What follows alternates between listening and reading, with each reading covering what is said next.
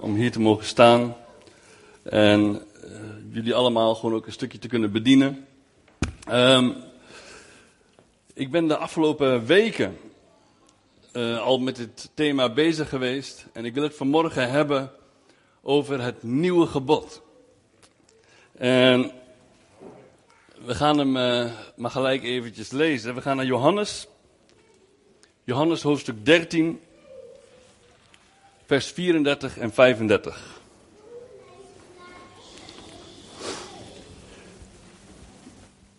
Kijk, iedereen, heel veel mensen kennen de geboden van het Oude Testament, de tien geboden. Maar de Heer Jezus, dat is best apart. In het Nieuwe Testament, de Heer Jezus heeft gezegd, een nieuw gebod geef ik jullie. En in Johannes hoofdstuk 13, vers 34, 35 staat, ik geef jullie een nieuw gebod. Heb elkaar lief, zoals ik jullie heb lief gehad. Zo moeten jullie elkaar lief hebben. Aan jullie liefde voor elkaar zal iedereen zien dat jullie mijn leerlingen zijn. Wow. Weet je, het is uh, een klein kort vers. Maar er wordt hier eigenlijk heel wat, heel wat gezegd en heel wat van ons gevraagd. Een nieuw gebod betekent dat de Heer Jezus dit echt met nadruk aan, de, aan, aan zijn discipelen, aan zijn volgelingen meegaf.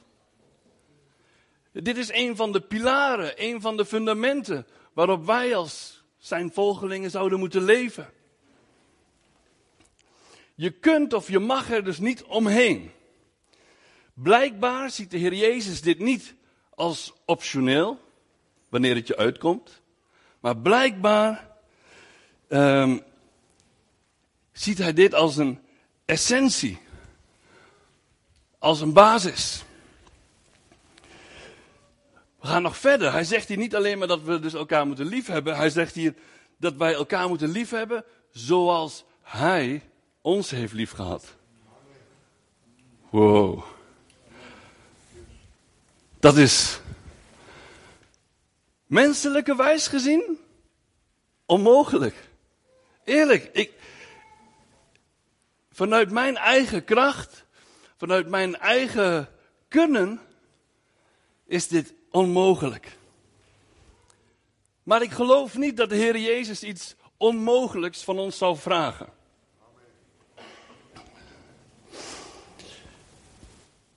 Maar wanneer hij zegt dat we elkaar moeten liefhebben zoals hij ons heeft liefgehad, dan betekent dat dat we bereid mogen zijn om onszelf af te leggen voor de ander. Om andere mensen weer te winnen. Om andere mensen op te bouwen. Ten slotte zegt hij in deze, dit korte Bijbelgedeelte um, dat aan de liefde voor elkaar iedereen zal zien dat wij zijn leerlingen, zijn discipelen, zijn volgelingen zijn. Nou, dat zegt ook behoorlijk wat. Dat betekent namelijk dat wanneer wij elkaar niet lief hebben, dan zal de wereld ons niet herkennen als zijn volgelingen. Wow. Het klonk zo mooi, hè? Maar eigenlijk zegt de Heer Jezus iets heel belangrijks, iets best wel zwaars. Iets waarvan ik denk van, Heer, maar, maar ik kan dat niet. Maar het is oprecht mijn hartsverlangen dat mensen werkelijk aan ons kunnen zien. Dus zelfs zonder dat je maar ook één woord hebt gezegd, dat de mensen al aan jou kunnen zien, hey, ben jij een volgeling van Jezus? Je hebt nog geen woord gezegd. En mensen kunnen aan jou zien dat jij een volgeling van Jezus bent. Nou, ik, ga even. Toen wij een jaar, nu alweer bijna anderhalf jaar. Anderhalf jaar wonen we nu op de Stokenbrand. En um, onze, wij hebben links van ons een buurvrouw die is Jehovah getuige. En rechts van ons hebben we buren. Die hebben allemaal Boeddha-beelden in de tuin en aan de voorkant van het huis. Noem het maar op. En weet je wat het aparte is? Wij woonden er nog maar net een paar dagen. En de buurman die kwam naar me toe. En die vroeg aan mij. Hé, hey, vraag je. Zijn jullie christenen? En ik zei, huh? Dus en, we hadden kort daarvoor hadden we in de tuin gebarbecued. Nou, en ik bid voor het eten. Hardop. In de tuin. Dus ik dacht van, nou, heb je ons, heb je mij horen bidden tijdens, uh, tijdens de barbecue of zo? Oh nee hoor, nee, had hij niet gehoord, had hij ook niet gezien, ze waren niet in de tuin. Hij zei, nee, ik kan het zien aan jullie. Wauw. Nou, geloof me, ik wou dat iedereen het kon zien aan mij, want dat is lang niet altijd zo. Eerlijk, hè? ik ga mezelf niet mooier voordoen dan dat ik ben. Maar dat is wat God graag in ons wil bewerken. Dat wanneer wij leren liefhebben, leren elkaar liefhebben, dat de mensen, ook al hebben ze nog geen woord gehoord, je al aan jou kunnen zien dat jij een volgeling van de Heer Jezus bent. We gaan naar Johannes. Johannes, hoofdstuk 15. Vers 9 tot en met 14. Dus Johannes, hoofdstuk 15, vers 9 tot en met 14. Ik heb jullie lief gehad. Zoals de Vader mij heeft lief gehad. Blijf in mijn liefde. Je blijft in mijn liefde als je je aan mijn geboden houdt. Zoals ik mij ook aan de geboden van mijn vader gehouden heb. En in zijn liefde blijf. Dit zeg ik tegen jullie om je mijn vreugde te geven. Dan zal ook jouw vreugde volkomen zijn. Mijn gebod is dat jullie elkaar lief hebben zoals ik jullie heb lief gehad. Er is geen grotere liefde dan je leven te geven voor je vrienden. En jullie zijn mijn vrienden wanneer je doet wat ik zeg. Wauw. De liefde die de Heer Jezus aan de discipelen liet zien, dat was een, een, een nederige liefde, een dienstbare liefde, een liefde waarbij je je eigen ego opzij zet en waarbij je zelfs bereid bent om je leven af te leggen. Die liefde heeft de Heer Jezus aan zijn volgelingen, aan zijn discipelen laten zien. Die liefde betekent trouwens niet dat we altijd maar uh, lief en aardig zijn. Soms was de Heer Jezus ook best hard. Uit liefde. Wanneer mijn kinderen, ik hou van mijn kinderen. Maar ook ik moet mijn kinderen terechtwijzen, corrigeren. Wanneer je werkelijk van je kinderen houdt, dan laat je ze niet als losbandige kinderen rondgaan en weet ik veel wat. Als je werkelijk van je kinderen houdt, dan ga je hun ook af en toe corrigeren. Hun toespreken, hun aanspreken op hun fouten. Dat is ook liefde. Dus wij hebben het hier niet over lief doen. Of een liefdevol maskertje op zondag. Lekker smiley, smiley. Hé hey broeder, ik hou van je. Maar door de week zie je me niet. Heb je nood? Ja, andere keer. Wat is liefde? Ook bijzonder is dat hij zegt hier letterlijk: blijf in mijn liefde. Oftewel, wij hebben hier invloed op. Het is een keuze van onszelf om in zijn liefde te blijven. En hij zegt hier, hij vult hier aan, je blijft in mijn liefde als je je aan mijn geboden houdt. We hebben zojuist het, het, nieuwe gebod gelezen wat de Heer Jezus heeft gegeven. En dat is namelijk dat wij elkaar lief hebben. En wie wil niet in de liefde van Christus blijven? Ik wel. Ik wil zo graag in de liefde van Jezus blijven.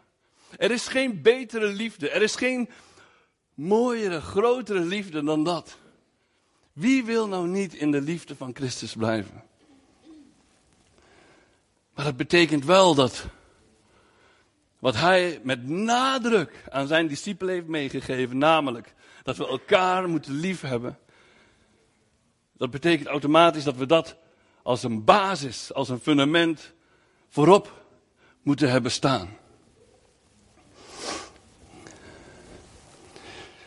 En weet je wat het mooie is? De liefde die de Heer Jezus geeft. Want dit, is trouwens ook gelijk weer een, een, een, een, een mogelijkheid om het mogelijk te maken. Want wanneer wij in de liefde van Christus blijven, dan ontvangen wij genoeg liefde van Hem om dat weer uit te delen aan elkaar. Wat ik al zei, van onszelf kunnen we het niet. Dus het begint bij de keuze om in Zijn liefde te blijven.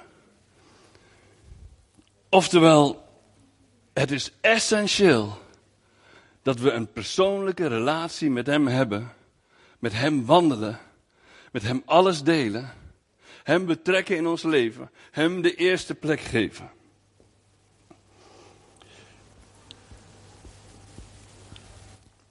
Jezus zegt hier echt wel iets confronterends. Ook voor mij. Heb ik werkelijk iedereen in deze gemeente lief? Zoals ik zei, van mezelf kan ik het niet. Maar ik weet wel dat ik elke dag weer de Heilige Geest vraag. Heer, stort die liefde in mijn hart uit. Ik wil mijn broeders en zusters wil ik lief hebben. En dat, daar begint het mee, die keuze te maken. Ook al voelt het niet altijd zo. Reken maar dat toen de Heer Jezus aan het kruis hing, dat hij op dat moment zich behoorlijk in de steek gelaten en afgewezen voelde. En dat hij toch nog kon, zeggen, Vader, vergeef het hen, want ze weten niet wat ze doen. Dat is ook liefde. Dat het ondanks wat jou is aangedaan, ondanks onrecht, ondanks onrechtvaardigheid, ondanks pijn, ondanks moeite, toch kunnen zeggen, Vader, vergeef het hen. Ook Jezus maakte die keuze, ook wanneer het niet zo voelde. Liefde is niet, uh, is een, liefde is een keuze. Liefhebben is een keuze. Het is ook een werkwoord. Het is iets wat je moet doen. Het is iets wat je in beweging moet, zeggen, moet zetten. Maar ondanks het confronterende wat hij hier eigenlijk zegt, zit er ook een belofte in. Ik vind het een prachtige belofte. Namelijk, jullie zijn mijn vrienden wanneer je doet wat ik zeg. Best hard, maar er zit een belofte in. Oftewel, wanneer wij het doen, dan belooft hij vriendschap met jou te hebben. Wow, God zelf in zijn zoon. Hij wil vriendschap met jou. En geen, vriendschap, oh, geen oppervlakkige vriend, hè? Vriendschap met Jezus is intieme vriendschap. Dat is, intieme kan niet. Al je gedachten, alles mag je met hem delen. Maar hij wil ook al zijn gedachten en al zijn beloftes over jouw leven wil hij met jou delen. En wat van hem is, dat is van jou. Wauw, wat een vriendschap.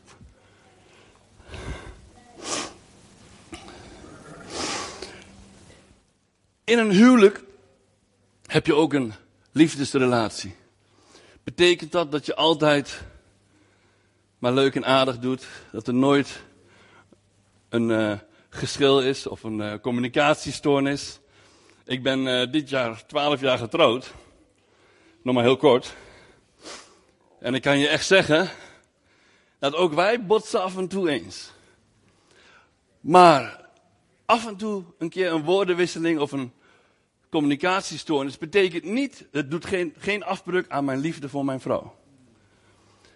Maar juist wanneer je problemen hebt in een relatie, juist wanneer je met elkaar, van elkaar houdt, dan praat je ook de problemen uit. Dan ga je met elkaar in gesprek, dan ga je elkaar juist opzoeken. Dan probeer je elkaar te ontmoeten, tegemoet te komen. En soms mogen we daarbij onze eigen ego opzij zetten. Voor mij is, is het huwelijk een heel mooi trainingsveld geweest in geduld en mijn eigen ego opzij zetten. Eerlijk.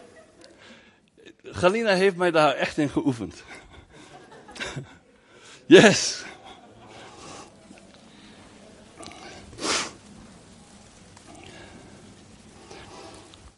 Uh, maar de Heer Jezus, Hij wil dus heel dicht bij ons zijn. Hij wil met ons leven. Hij wil alles met ons delen. Hij wil geen vage kennis zijn van veraf.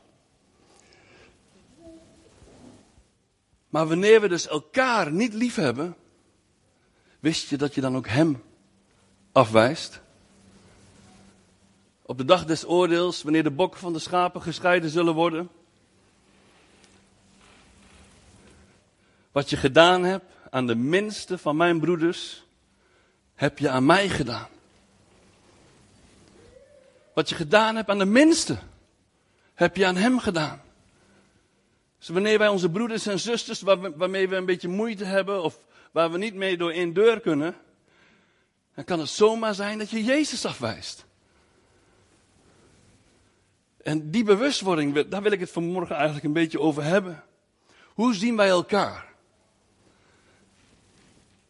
Zien we elkaar in de Zoon van Christus? Zien wij elkaar als, als onderdeel van zijn lichaam? Want als dat zo is, dan gaan we elkaar hoog inschatten. Daarom schrijft Paulus ook dat we de ander uitnemender moeten achten dan onszelf. De Bijbel, dit onderwerp trouwens is een basisonderwerp. En ik vind het soms best verdrietig dat deze, dit basisonderdeel juist soms zo'n moeilijk iets is. Zoals ik al zei, hieraan zullen de mensen ons herkennen. Als Jezus dus het zo serieus meent, het echt ernst maakt van dit nieuwe gebod, hoe serieus neem jij dat? Hoe, hoe serieus neem jij dat ook wanneer een broeder jou een beetje tegenstaat? Nogmaals, het is makkelijk gezegd, maar ik geloof, de Heer Jezus zou nooit iets van jou vragen als Hij ook niet zou voorzien, als Hij het niet mogelijk zou maken. We gaan naar 1 Johannes.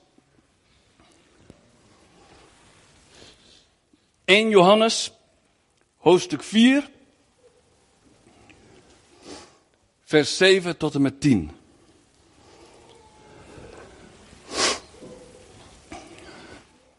1 Johannes, hoofdstuk 4, vers 7 tot en met 10.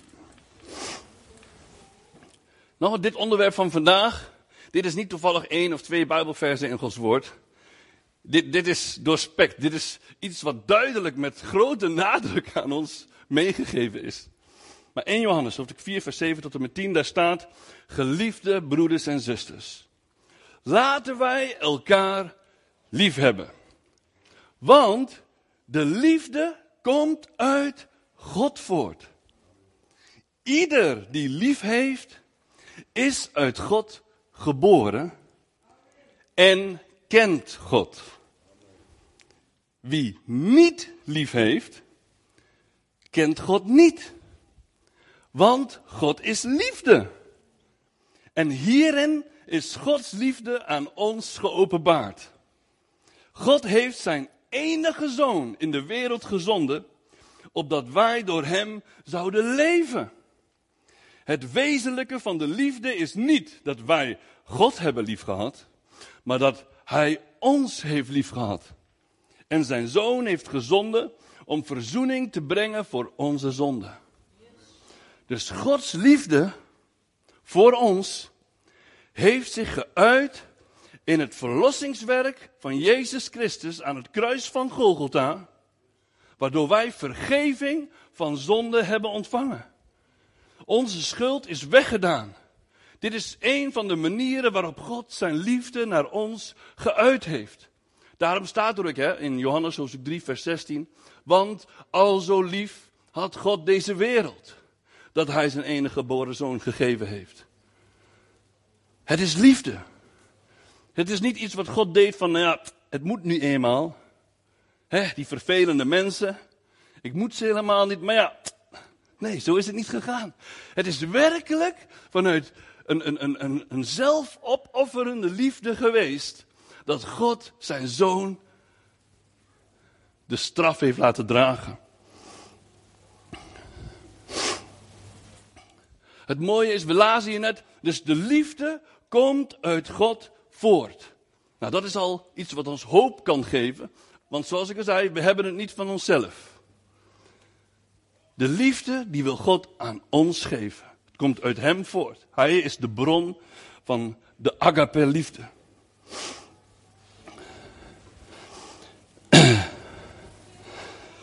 Um, omdat Hij in de eerste plaats Zijn liefde aan ons heeft gegeven en nog steeds elke dag geeft, kunnen wij elkaar liefhebben. Niet op basis van verdiensten,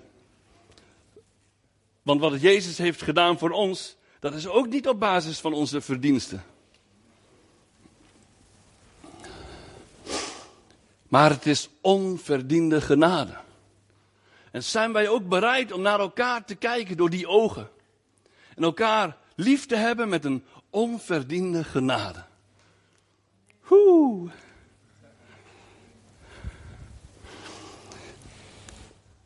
Maar we moeten dus in de eerste plaats een relatie met Hem hebben. Ik heb het zo straks al gezegd. Maar daar begint het. Want zonder Hem hebben wij die liefde niet.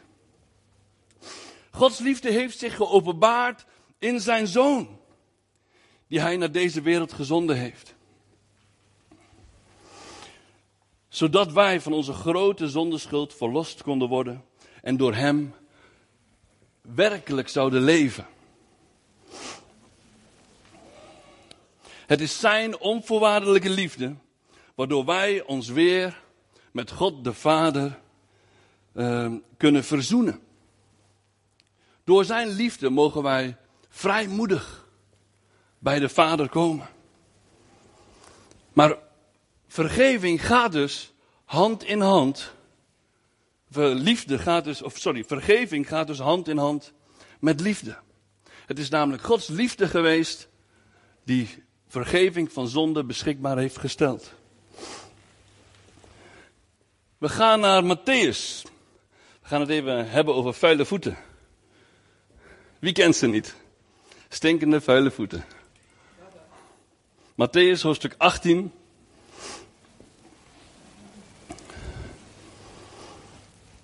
Vers 21 tot en met 35. Lang stukje. Matthäus hoofdstuk 18, vers 21 tot en met 35. Daarop kwam Petrus bij de Heer Jezus staan en hij vroeg: Heer, als mijn broeder of zuster tegen mij zondigt, hoe vaak moet ik dan vergeving eh, schenken? Tot zevenmaal toe? En Jezus antwoordde: Niet tot zevenmaal toe, zeg ik je, maar tot zeventig maal zeven. Daarom is het koninkrijk van de hemel als met een koning die rekenschap wilde vragen van zijn dienaren. Toen hij daarmee begonnen was, Sorry, we gaan eerst nog een ander gedeelte doen. Uh, toen hij daarmee begonnen was, bracht men iemand bij hem die 10.000 talent schuldig was. Omdat hij niets kon terugbetalen, gaf zijn heer bevel dat de man samen met zijn vrouw en kinderen en alles wat hij bezat verkocht moest worden, zodat de schuld kon worden ingelost. Toen wierp de dienaar zich aan de voeten van de heer en hij smeekte hem: Heb geduld met mij ik zal u alles terugbetalen. Zijn heer kreeg medelijden. Hij liet hem vrij en schold hem de geleende som kwijt. Toen deze dienaar naar buiten ging, trof hij daar een van de andere dienaren die hem honderd denari schuldig was. Hij nam hem in een beugreep en hij beet hem toe: Betaal me alles wat je me schuldig bent. En toen wierp deze zich voor hem neer en hij smeekte hem: Heb geduld met mij, ik zal je betalen. Maar hij wilde daar niets van weten. Integendeel, hij liet hem gevangen zetten tot hij de hele schuld zou hebben betaald. Toen de andere dienaren begrepen wat er gebeurd was, waren ze zeer ontdaan en gingen ze naar hun heer om hem alles te vertellen. En daarop liet zijn heer hem bij zich roepen En hij zei tegen hem, je bent een slechte dienaar. Heel die schuld heb ik je kwijtgescholden, omdat je me erom smeekte. Dan had jij toch ook zeker medelijden moeten hebben met die andere dienaar? Zoals ik medelijden heb gehad met jou. En zijn heer was zo kwaad, dat hij hem in handen van de gerechtsbeulen gaf, tot hij de hele schuld zou hebben terugbetaald. Zo zal mijn hemelse vader ook ieder van jullie behandelen, die zijn broeder of zuster niet van harte vergeeft. Oeh, nou, een hele lap tekst. We gaan eventjes kijken naar de getallen. Hij was de eerste persoon, hij had een schuld van 10.000 talenten. Wie weet hoeveel 10.000 talenten is? Ik weet het wel hoor. De talent is een gewichtseenheid. En ik heb in de concordantie opgezocht wat ermee bedoeld wordt. Maar één talent, er zijn verschillende mogelijkheden. Er zijn er drie. Nou, een talent zilver, dat is ongeveer 45 kilo zilver. Dat is één talent. In goud is één talent 91 kilo. En dan heb je ook nog de talent als een uh, geldeenheid vanuit de Griekse drachme. In die tijd van de Heer Jezus was de drachme, de, Griekse munteenheid, was het, handelsmiddel. Dat werd in het Midden-Oosten en rond het Middellandse zeegebied werd daar voornamelijk handel mee gedreven. Um, maar één talent als geldeenheid was de hoogste Griekse geldeenheid. En de geldswaarde is gelijk aan 6000 daglonen. Ofwel het loon van 20 jaar arbeid. Dat is één talent. Dan gaan we verder rekenen. Want we hebben het hier over 10.000 talenten. Als het zilver zou zijn geweest, als het zilver zou zijn geweest, dat is 450.000 kilo zilver. En als het goud was, 910.000 kilo goud. Met de goudprijs van vandaag zou dat 1 miljard 110 42.350.300 euro zijn. De rijke koning. Het is geleend, hè? Dus je hebt het nog niet eens verdiend. Maar wat, oh, dat kan ik straks wel laten zien. Dit is uh, geschiedschrijven, hè? dus eh, dat is allemaal uitgezocht in de historie. Dat kun je gewoon in de concordanties, in eh, encyclopedieën, et cetera, kun je dat nazoeken. Heb ik goed gedaan. Zoals als ik het kan, kunnen jullie het ook. Dan gaan we nog verder. Um, de zilverprijs, die is 13,49 euro en 49 cent, dan wordt het iets minder. Misschien heeft hij daar nog een beetje hoop.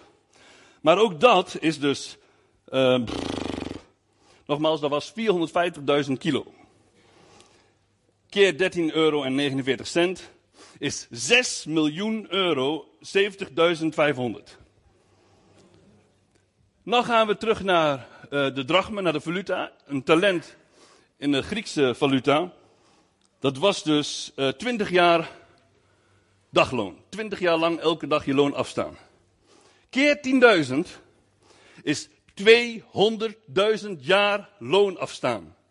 Er is geen mens die die leeftijd haalt. De aarde is nog niet eens zo oud. Ah, de, in de wetenschap denken ze er anders over, maar even vanuit de Bijbel gezien, hè? Man. Maar weet je, de Heer Jezus, het lijkt wel alsof hij expres niet voor te stellen getallen noemt. Dat is ook zo. Want hij wil daarmee laten zien, weet je, wij allemaal hadden een grote zondeschuld bij God. En dat hadden wij in ons hele mensenleven niet goed kunnen maken. Niet af kunnen betalen. We zouden meerdere mensenlevens nodig hebben gehad om onze schuld bij hem af te lossen. Nou, wij doen niet aan reïncarnatie.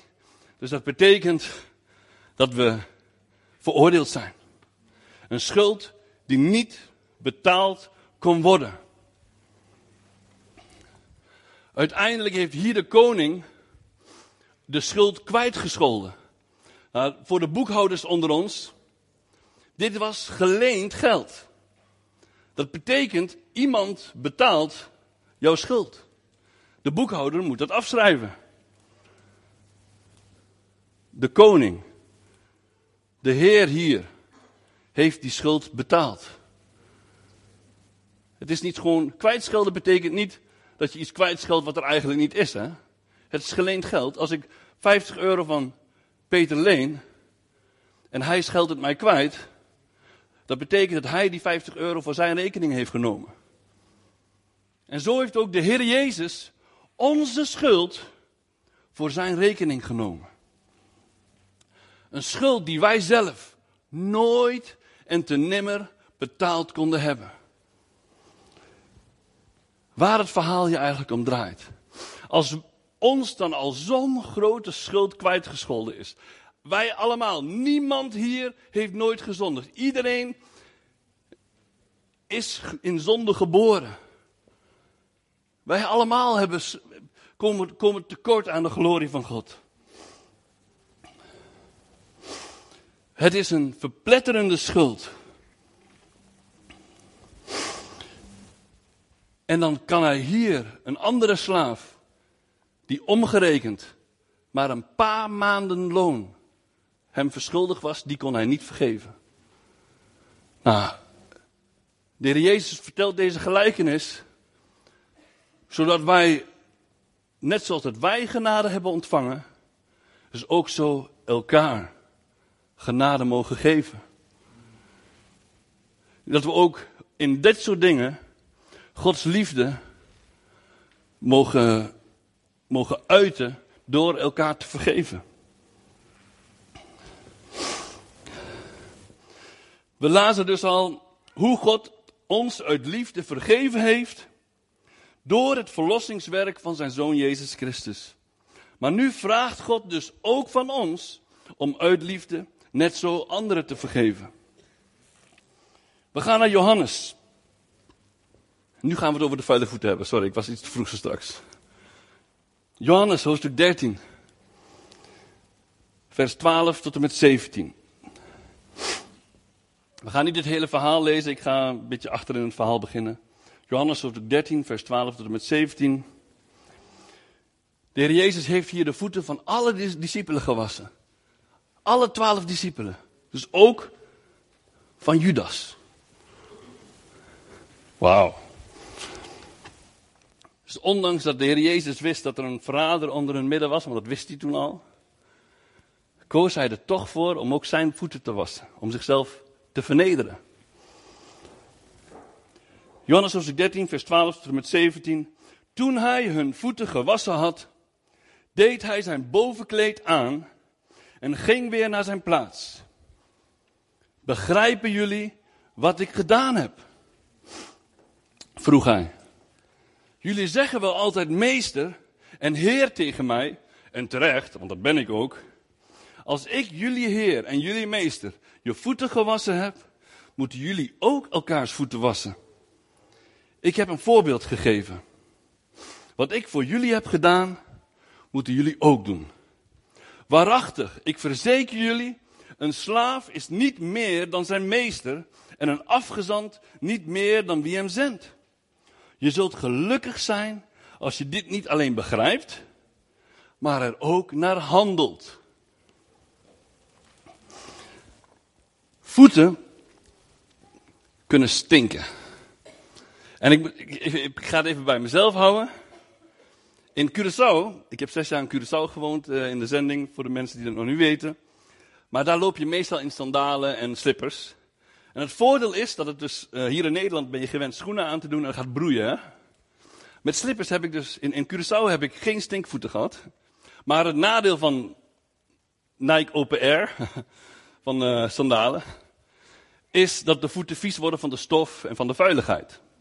Dus in Curaçao en andere landen waar je met, uh, met open schoenen wandelt, daar moet je je voeten wassen. Je voeten worden heel snel vies. En in de tijd van Jezus was het nog een stukje primitiever als nu. Dus daar liep men werkelijk gewoon door het vuiligheid heen. Want je wist niet wat uh, hier en daar op de grond gegooid was. Um, maar men liep dus met, vaak met open, open luchtschoenen, met sandalen. En alle vuiligheid kwam erop. En daarom was het ook de gewoonte wanneer men ging aanliggen om te eten. Je voeten was op dezelfde hoogte als het eten. Hè? Het is hartstikke onhygiënisch. Daarom was de gewoonte om de voeten te wassen. Maar even over mijn voeten. Ik vind mijn voeten lelijk. Ja, nee, echt eerlijk. Hè? Ik heb geen mooie voeten, echt niet. Um, ik sta er ook niet om te springen om uh, mijn blote voeten aan iemand te laten zien of uh, om ze überhaupt al te laten aanraken. En in Nederland is het nog erger, omdat dus alles is nog eens een keertje helemaal broeierig en, en zweterig. En het nadeel van dichte schoenen is, door het broeien, is het een broeinest voor uh, schimmel, bacteriën, etc. Maar iedereen, niemand hier uitgezonderd, niemand hier uitgezonderd, Iedereen krijgt wel eens krijgt vieze voeten. Al gaande, al wandelende, al doende, wij krijgen allemaal vieze voeten. En nou is het mijn, mijn vraag. Hoe is het hier in de gemeente gesteld? Durven wij onszelf kwetsbaar op te stellen?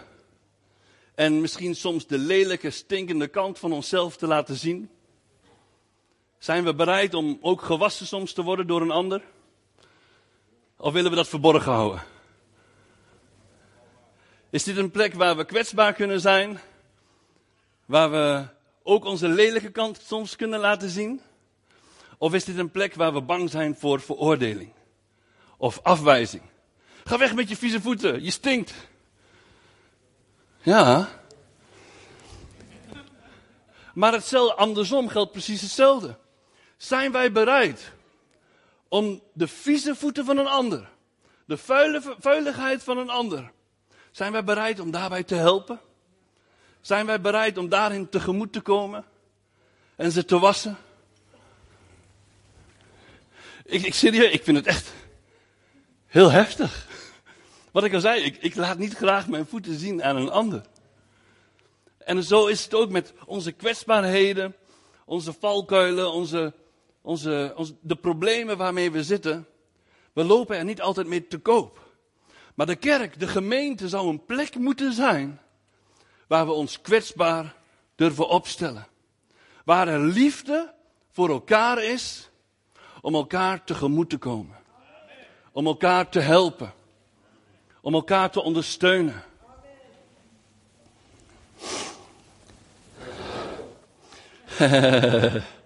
We gaan, dit is, dit is uh, spreekwoordelijk, dit is niet letterlijk. Oeh. Gelukkig hoeven we er alleen maar over te praten vanmorgen. nee, maar serieus, ik ben echt heel onzeker over mijn voeten. Vraag maar aan mijn vrouw, die weet dat. En ik laat met moeite haar er al aan zitten. Dus, uh. um.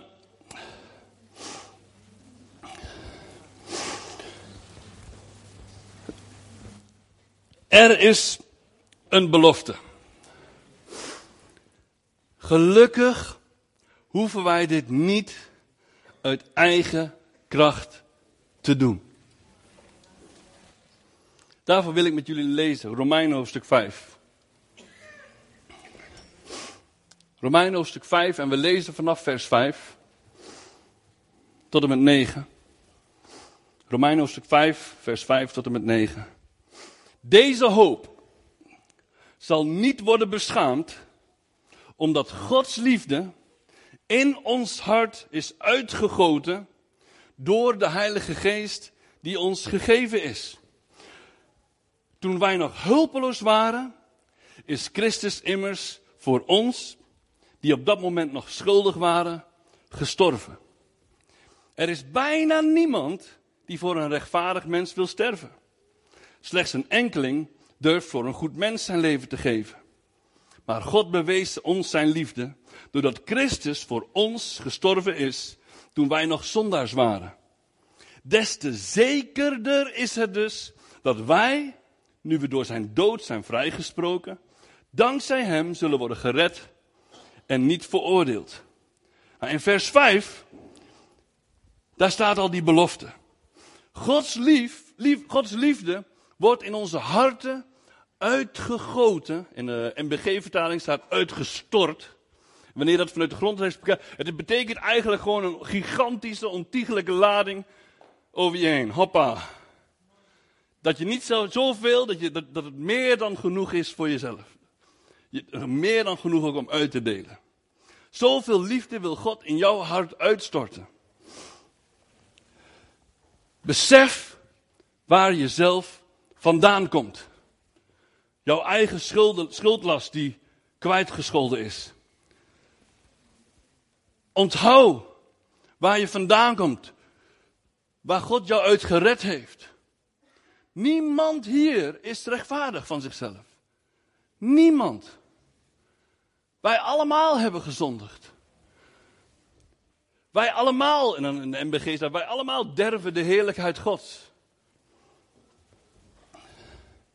En leer daarmee dan ook op een andere manier te kijken naar je broeder en zuster. Kom elkaar tegemoet in de moeilijkheden, in de lasten. En heb genade en liefde voor elkaar.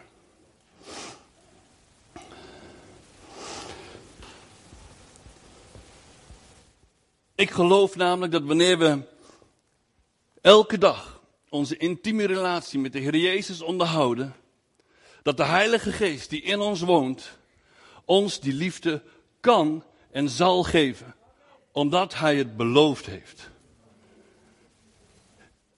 Willen we ons hart daarvoor openstellen? Zeggen we ook vandaag tegen de Heer Jezus, Heer, ik wil in uw liefde blijven.